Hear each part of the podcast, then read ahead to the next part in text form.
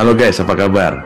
Sebagai orang tua, kita pernah nggak nih lagi mikir gimana caranya membangun hubungan yang baik dengan anak kita?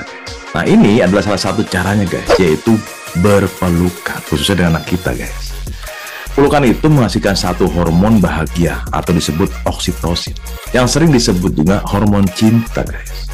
Yang menarik, semakin lama kita menyentuh atau memeluknya nih, maka semakin banyak pula yang dihasilkan perasaan positif untuk anak kita dan juga untuk diri kita. Yuk, kita sama-sama coba ya guys untuk berpelukan dengan anak kita. Semoga berhasil ya. Nah, jika para sahabat nih ingin tahu banyak bagaimana membangun hubungan yang baik dengan anak remaja kita, silahkan ikuti seminar ini guys. Ada pantun nih guys. Nanam padi lalu memasak nasi sampai tanah. Yuk, kita menjadi sahabat anak. Oke?